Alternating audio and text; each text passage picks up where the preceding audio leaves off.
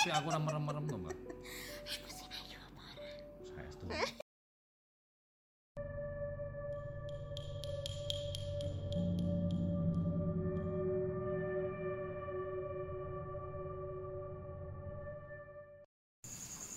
Om Swastiastu. Nah, baik teman-teman, kembali lagi bersama kami bertiga dalam channel Taksu Poleng. Nah, pada kesempatan kali ini kita akan membahas tentang virus yang lagi viral ini ya di dunia khususnya. Nah, sekarang kita akan bahas e, berdasarkan sastra ya Beli Jero ya. Nah, mudah-mudahan nanti Beli Jero bisa memberikan solusi apa-apa saja sih yang harus dilakukan khususnya untuk virus ini ya. menangani virus itu. Nah, mungkin di awal nih, Juru. Sebenarnya kalau dari konsep kita di Bali atau di Hindu, virus itu seperti apa sih sebenarnya? Jadi kalau oh, virus itu kan kalau di Bali tidak mengenal virus dia, tapi ada apa namanya gerubuk atau disebut Ya. dengan gering sasah. Mm. Itu kalau apa namanya virus dalam konsep kita agama Hindu Bali. Nah, beli Juru, kalau kita menurut pandangan orang Bali sih atau Iya. Hindu itu eh, sendiri, virus itu seperti apa sih sebenarnya? Jadi kalau di Bali virus itu kan disebut dengan gerubuk atau gering sasah dia. Eh, jadi di Bali kita selalu mengidentikan apa itu yang sekali dan niskalu. Kemudian niskalu itu adalah sesuatu yang tidak di- tidak bisa dilihat dengan mata telanjang. Itu yang disebut dengan Tidak kasat mata. tidak jadi virus itu kan sesuatu yang tidak bisa dilihat dengan mata telanjang seperti itu jadi ada proses apa namanya penelitian yang harus dilakukan seperti itu kemudian virus itu dia bisa menyerang manusia binatang dan juga binatang itu bisa dibagi menjadi unggas dan binatang berkaki empat dan sebagainya Oh, dibedakan lagi. dibedakan Nah, Beli Jero, eh, kalau kita flashback ke belakang dulu Jero ya.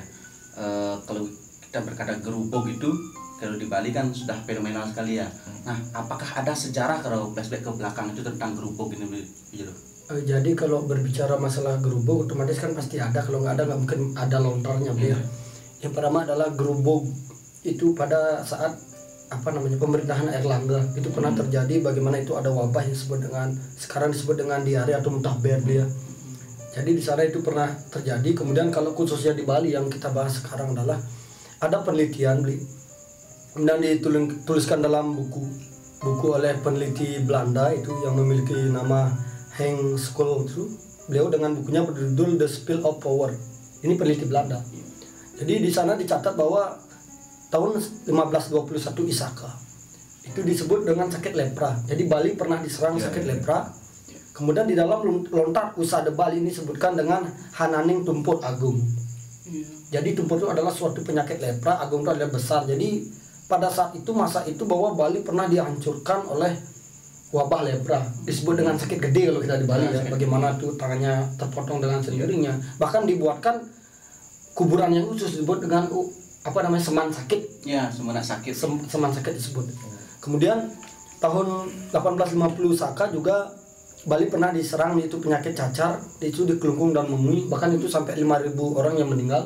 Dicatat dalam buku eh, beliau yang Belanda itu saya katakan tadi. Kemudian tahun 1868 68 juga pernah terjadi di Bali itu sakit cacar disebut dan kolera Ya. itu menyerang juga Bali tepatnya di Buleleng itu bahkan sampai 2000 orang meninggal kemudian 1871 juga pernah terjadi sakit cacar dan kolera itu di Mungui dan Sempidi Hmm.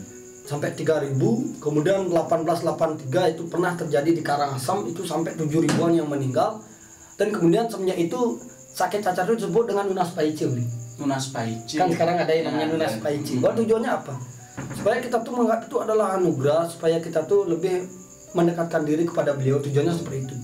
Kemudian 1933 itu yang baru terjadi adalah malaria. Itu di Gianyar paling banyak makan korban. Di Gianyar, ya. jadi itulah sejarah kelam Pulau Bali yang pernah beberapa kali di- dihancurkan atau istilahnya diserang oleh virus-virus seperti itu Bahkan malaria sampai sekarang masih. Sampai sekarang masih ya Jadi kalau lihat sejarahnya masih panjang dia Beli Hmm. Berarti Beli- banyak mengalami pergolakan virus sebenarnya. Sebenarnya itulah Untuk- 1933 di sana ada penyakit malaria yang kita sekarang tahu obatnya itu adalah berasal dari lontar kita Hindu, ada Bali. Makanya di sana disebutkan jika sakit malaria itu menggunakan yang namanya daun apa namanya pepaya. Pepaya. Itu kan obat Hmm. malaria itu termuat di dalam lontar. Oh.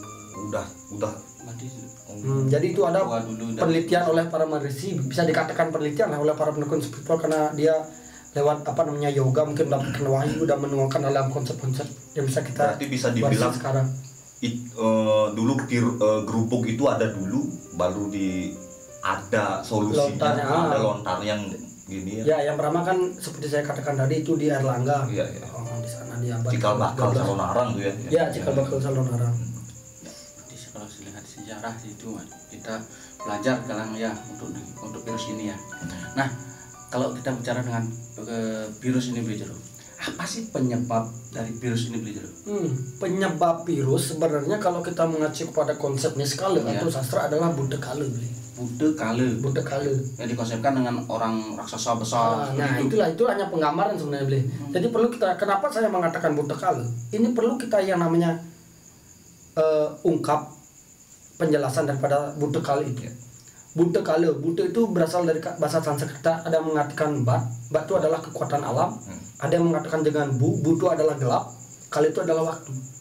Ya, Jadi bisa disimpulkan bahwa Buddha kala itu adalah bagaimana dunia ini atau kekuatan alam ini mengalami proses yang namanya gelap atau pergolakan. pergolakan atau dalam artian dunia ini mengalami pada energi yang negatif itu disebut dengan Buddha kala.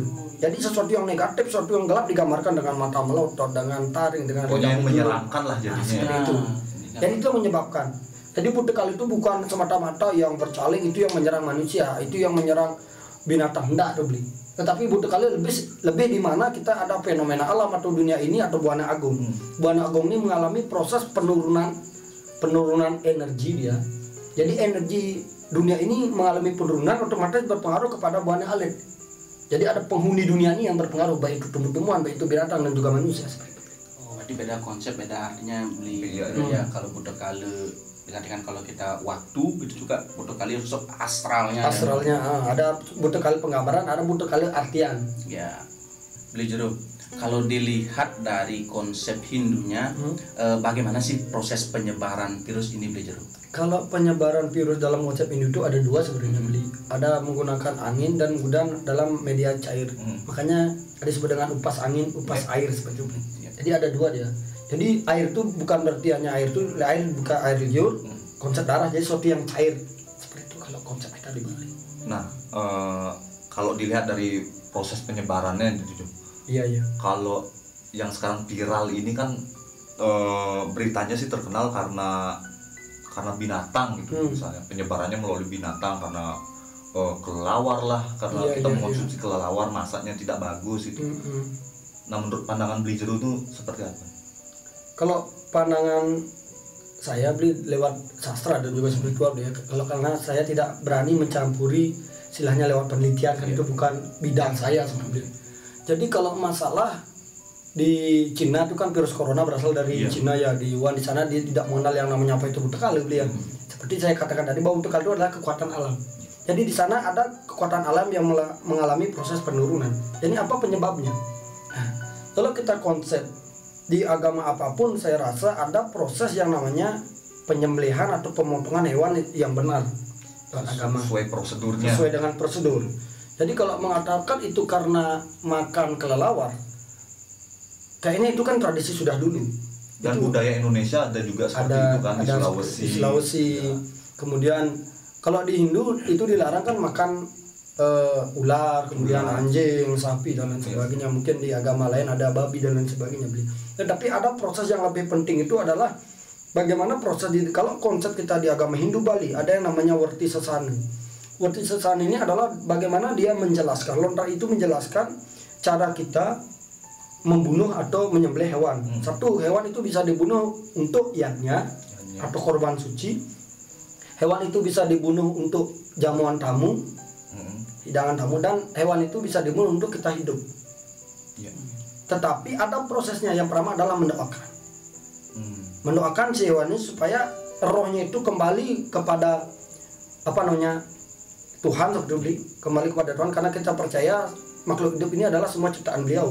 Jadi apabila proses penyembelihan hewan atau pemotongan hewan tidak sesuai dengan agama-agaman agama apa pun itu, kita membunuh hewan dengan sema- eh, sewenang-wenang tanpa mendoakan, otomatis hewan ini akan dia mati dengan tidak wajar. Mm. Jadi apabila hewan itu dibunuh secara tidak wajar, dia akan mengeluarkan yang namanya energi. Iya. mengeluarkan energi negatif. Hmm. Jadi energi ini dia akan me- mengepul atau berkeliaran lah bahasa bahasa biasanya berkeliaran di di dunia ini maka dia akan bi- bisa menyusupi tumbuh-tumbuhan, bisa menyusupi binatang dan bahkan manusia. Hmm. Dan kemudian hal ini di pernah dilakukan penelitian oleh peneliti Jepang, Takumoto siapa namanya beli?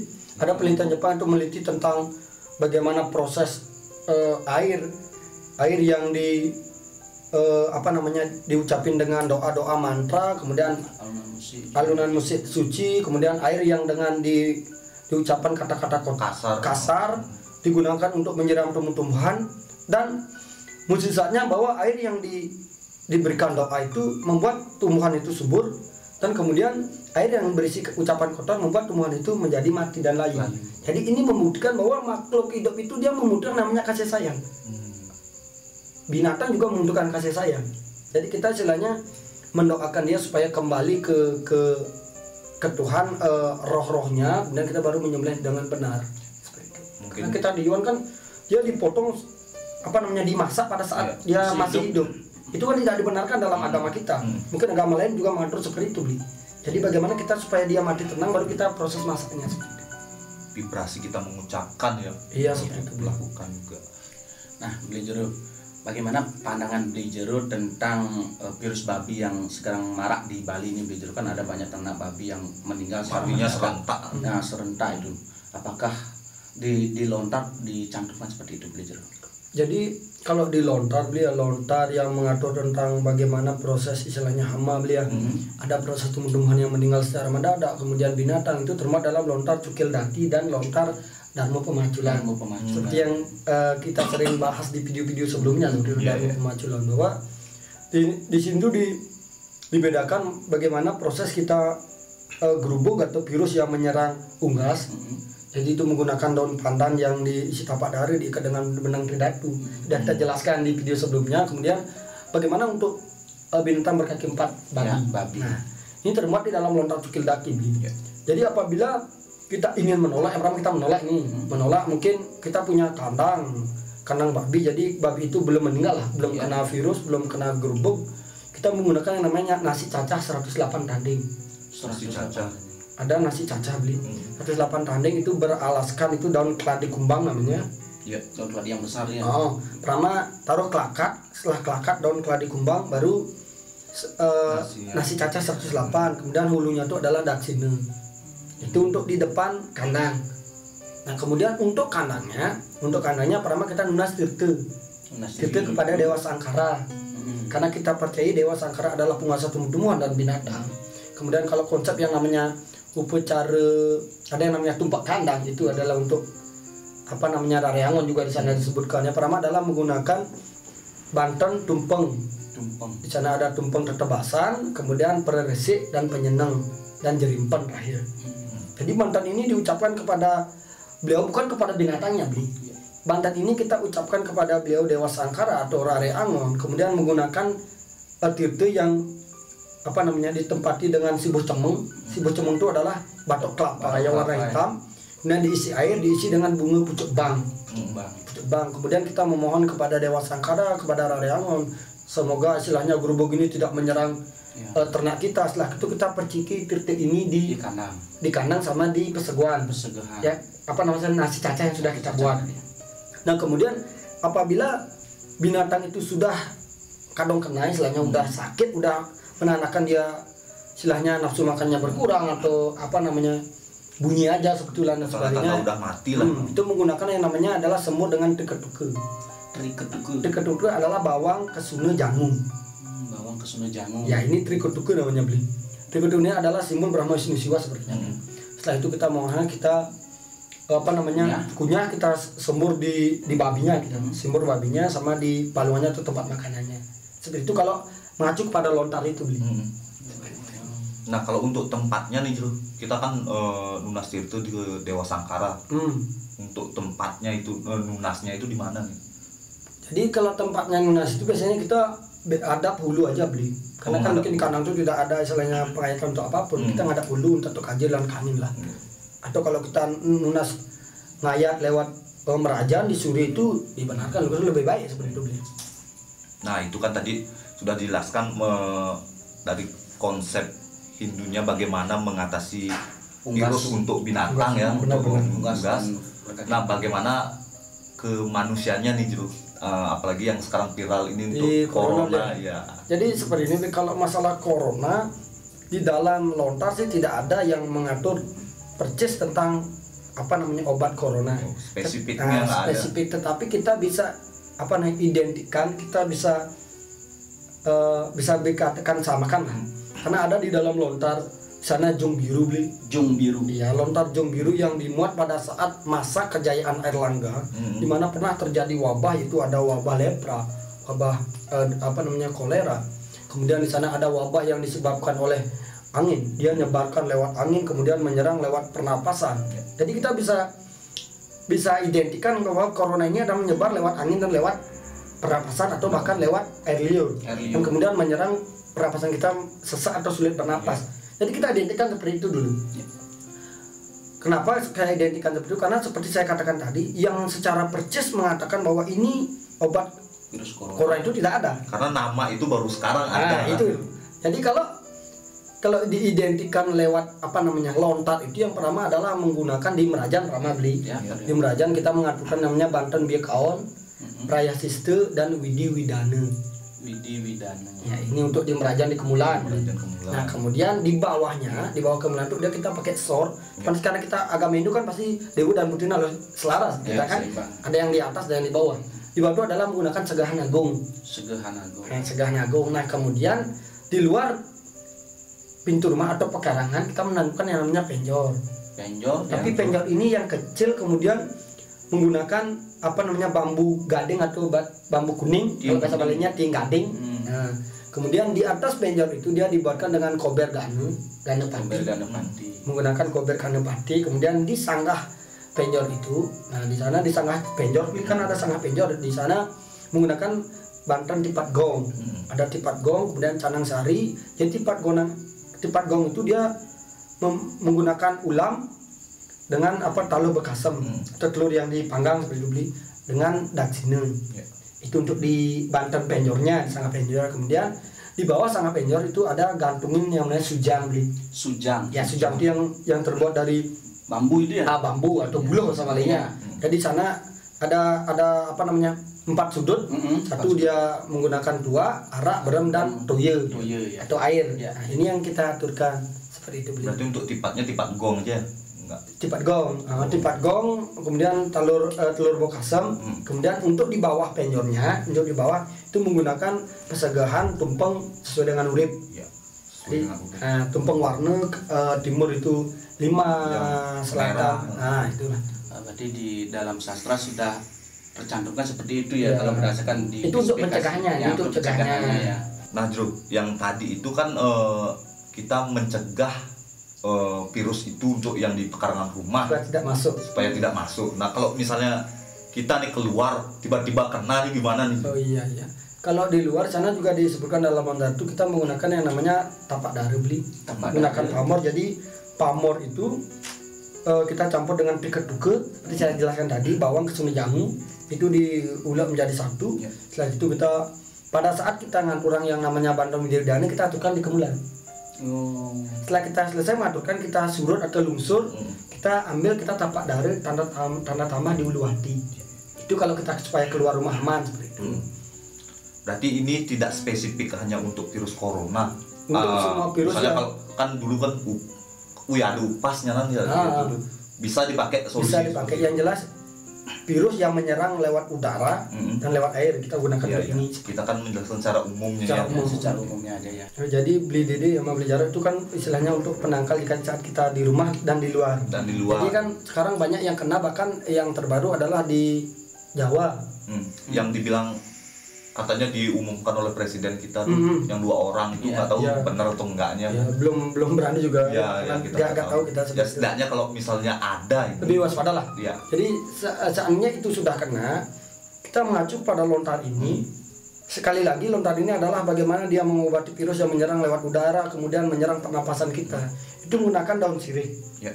Jadi daun sirih itu yang temu ruas li, yang apa namanya garis tengahnya itu sama, Sama. garis daunnya dia garis daunnya sama. Kemudian daun sirih ini kita isi yang namanya eh, apa namanya kapas beli, kapas kapas dulu. Kemudian kita nyari eh, minyak apa namanya minyak kelapa lu. Iya. kelapa minyak tanusan Minyak kalau di Bali minyak tanusan, kalau di luar Bali kan nggak tahu dia. Iya, iya. Minyak kelapa. Kemudian yang kalau bisa itu ada kelapa mulung. Kelapa mulung adalah kelapa yang hijau jika kita potong dalamnya isi merah. Hmm. Itu menggunakan minyak kelapa itu. Hmm. Kemudian setelah itu kita taruh di kapasnya itu, kita lipat eh, daun sirihnya, kita apa namanya, ucapkan mantra do- doa sesuai dengan keyakinan kita. Kita serahkan diri kepada ide sang yang dewasa atau Tuhan yang Maha Esa. Setelah itu kita remas apa namanya daun sirihnya ini, kita masukin lewat hidung setelah banyak tutup. Hmm. Jadi kita masukin hirupnya nah, hirup supaya minyaknya tuh ada netes sedikit aja di dalam hidung. Karena kita kita masuknya kan tembus ke otak pasti kan. Kemudian masuk masuk setelah itu sisa remasannya ini kita usapin di kepala. Hmm. Itu kalau kalau untuk virusnya. berarti nunasnya itu dilakukan di mana aja boleh Boleh. di rumah Oh. Nah, Beli Jeruk, mengenai fenomena yang viral di media sosial juga Beli Jeruk, kemudian juga ya di Kabupaten Beleng juga viral ini tentang mengenai segehan yang diaturkan di depan pekarangan rumah yang berbentuk bonggongan seperti manusia itu. Hmm. Nah, apakah itu tertuang juga di dalam sastranya itu dibenarkan Beli Jeruk? Gini beli kalau istilahnya kita menyalahgunakan lewat sastra beli ya. Ya. Jadi kalau pandangan sastra itu sebenarnya sih sah-sah aja beli ya. Hmm. selama itu istilahnya eh, tujuan kita untuk baik sih sah-sah aja tetapi kalau mengacu pada sastra itu ya sedikit keliru lah Bli. kenapa karena yang pertama kalau itu disebut na- nasi wong-wongan otomatis kan dua nih Ya. wong itu manusia wong-wongan berarti ada dua ini dua bentuk manusia biasanya disebut dengan nasi tulang Kasih tulah. ya ada yang hitam dan ada yang putih Iya. Hmm. Kemudian yang yang lengkapnya kali hitam putih itu ada beralasan dia ada nanya daun nagasari, kemudian daun tula dan daun selasih. Hmm. Ini yang beralaskan itu. Kemudian tujuannya untuk apa? Sebenarnya nasi tula ini adalah tujuannya bukan untuk gerubuk sih, bukan untuk gerubuk di sana. Satu adalah di saat kita mempunyai anak kecil yang sering nangis itu kita aturkan. Kemudian ada pemali di rumah, istilahnya kita musik pemali dari pekarangan itu kita aturkan. Atau istilahnya ilmu magic lah. Kita mengembalikan. Mungkin kita melihat pepasangan di rumah kita ngancit pepasangan yuk kita luarkan dulu itu. Karena kenapa? Karena kita ngancit pepasangan ini kan hanya benanja yang kita kita Iya. ambil. Tapi ada energinya penghuninya itu masih di sana atau energinya. Kita gunakan media ini seguan ini untuk ini. Kalau hanya putih aja itu biasanya disebut dengan nasi wongan rari. Ya, kasih dari. ya. Bagaimana kalau kita punya anak kecil yang baru lahir sampai 42 hari kita wajib mengaturkan itu. Tujuannya apa? Supaya anak kita itu tidak diganggu oleh makhluk astral atau budak kali atau lihat dan lain sebagainya seperti itu. Berarti kalau bisa dilihat peruntukan eh, nasi wong-wongan ini kalau lebih dispesifikkan dengan virus ini keliru gitu ya? Ya keliru menyimpang soalnya. Menyimpang. Cuma Oh. kalau misalnya dilakukan oke lah sah-sah aja. Ya, kan jadi gini, keyakinan. Ya. Kalau eh, tiang pribadi, saya pribadi istilahnya sah-sah saja kalau misalnya kita mau melakukan itu, Karena- kalau karena tujuannya juga baik tidak masalah. dan itu hanya ritual Ya, kan Sebenarnya saya juga apa namanya berterima kasih kepada eh, Semeton yang memviralkan eh, apa namanya seguan itu. Secara tidak langsung ini membuat masyarakat kita tuh lebih percaya lebih percaya, lebih ingat lagi dengan Tuhan. Coba tidak ada fenomena ini, tidak akan ada yang ingat Mas Segah. Iya. Mungkin dulunya tidak ada yang Mas Segah selama boy apa itu segahan dia hanya ingat dengan nir-nir aja, ingat dengan Tuhan aja tanpa percaya adanya kekuatan buta. Iya. Setelah ada fenomena ini, ada yang memviralkan itu otomatis dia Mas Segah. Jadi secara tidak langsung itu mengingatkan dia kembali ke ke apa namanya ajaran Nusantara kita Iya. itu. Dengan kejadian ini juga kita tahu jadinya macam-macam jenis segehan Ya. Lewat ini kita belajar jadinya.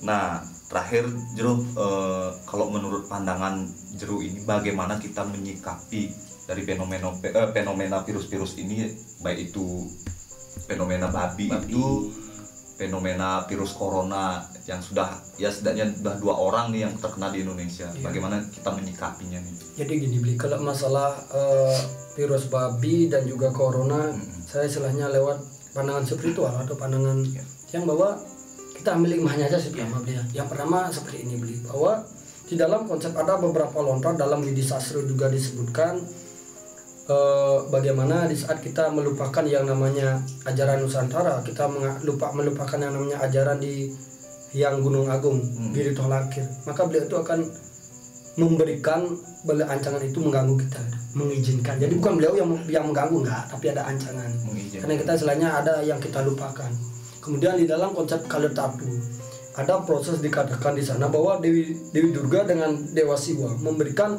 wejangan memberikan manat kepada anak beliau itu bertarik kalir Hmm. Wahai anakku seperti itu, jika ada manusia lewat daripada 10 tahun tidak melakukan yang namanya upacara mangguh. Jadi mangguh itu dia menggunakan sarana babi.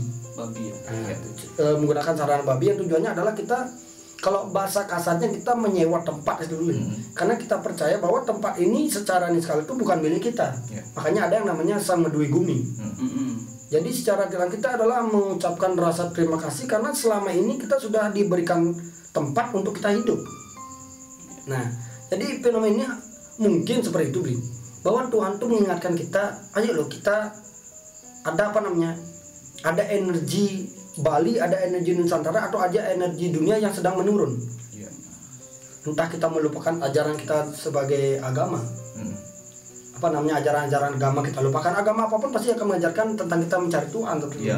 Jadi ada sesuatu yang salah ini. Kemudian jadi kemudian apa namanya di Bali kita sudah terbiasa hidup dengan pariwisata. Sekarang pariwisata tiba-tiba bab loh. Karena fenomena ini ya. Ya fenomena ini. Jadi Tuhan itu mengingatkan coba lo kita kembali lagi kepada jati diri kita agama Hindu di Bali. Kita bisa hidup kok. Kita su- supaya kita lebih ingat lagi. Jadi karena selama ini tempat-tempat istilahnya eh, sakral atau pura kita gunakan untuk tempat pariwisata tetapi kita lupa untuk hasil pariwisata kita gunakan untuk melihara pura itu mencaru secara kontinu Iya. kan kita percaya bahwa kita tuh harus membersihkan tempat ini karena Hmm. juga apa namanya bully itu kadang datang ke sini entah tuh dia sebel entah dia cinta ke kita tidak tahu. Seperti itu Bli. jadi istilahnya dalam konsep agama Hindu tidak lepas buana agung dan buana alin atau karang umah karang awak. Apabila dunia ini mengalami proses penurunan otomatis akan berpengaruh terhadap penghuninya.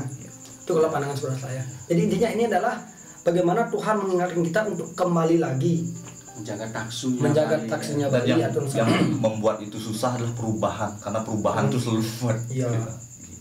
Pada intinya eh, di sini kita introspeksi diri, Introspeksi diri, tetap. Juga Hmm. adalah kita mengingat juga jati diri Jati kita yang diri di kita. taksunya Bali, mari kita Iya. jaga dengan eh, merosotnya pariwisata Bali juga mari kita berbenah diri Hmm. mungkin dari kita berasalkan eh, ngaturkan pekelem kalau kita di pantai pekelem di pekelem, juga ada benar-benar. pekelem juga seperti itu kalau kita di karangan rumah juga di desa di adat mari kita jadikan momen ini untuk mungkin berbuat caru lah Ya, Caru. semoga ini kan dekat dengan apa namanya penyepian ya. film kesange. Semoga setelah kita mencaru dengan serentak, Ya. wabah ini, wabah babi dan virus ini tidak menyerang lagi ya, terhadap kita. Jadi apa pun yang kita lakukan selama kita ingat dengan beliau selalu ada cara kan gitu Iya. ya. Cuma dari dulu kita sudah diatur dengan prosedur-prosedur Ya, yang di, di- tersusun di lontar-lontar. Mungkin juga seperti ini beli bahwa istilahnya Tuhan itu sayang dengan eh, umatnya, jadi virus itu dilimpahkan ke binatang supaya manusianya Hmm. tidak kena seperti itu. Manusianya Jadi lebih kita lebih liling, lebih ingat lagi. Iya, iya. Jadikan apa namanya fenomena ini sebagai awal kita berbenah diri. Berbenah jadikan diri. fenomena ini bahwa tanpa adanya fenomena ini kita tidak akan ingat yang namanya terhadap Tuhan. Kita tidak ingat dengan namanya budaya Bali seperti itu. Iya. Nah, baik teman-teman, mungkin itu saja ya penjelasan mengenai tentang virus dari kami. Nah, mudah-mudahan penjelasan dari kami ini bisa bermanfaat. Nah, untuk eh, virus ini mari kita sama-sama berdoa. Mudah-mudahan eh, virus ini bisa cepat bisa ditangani. Jadi juga teman-teman yang lagi mungkin yang sudah kena virus Semoga eh, cepat semoga cepat sembuh kembali. Jangan saling menyalahkan. Nah, intinya di sini kita jangan saling menyalahkan, mari kita saling rangkul, mencarikan solusi mengenai tentang virus ini ya. Ya, ya. Mencari solusi.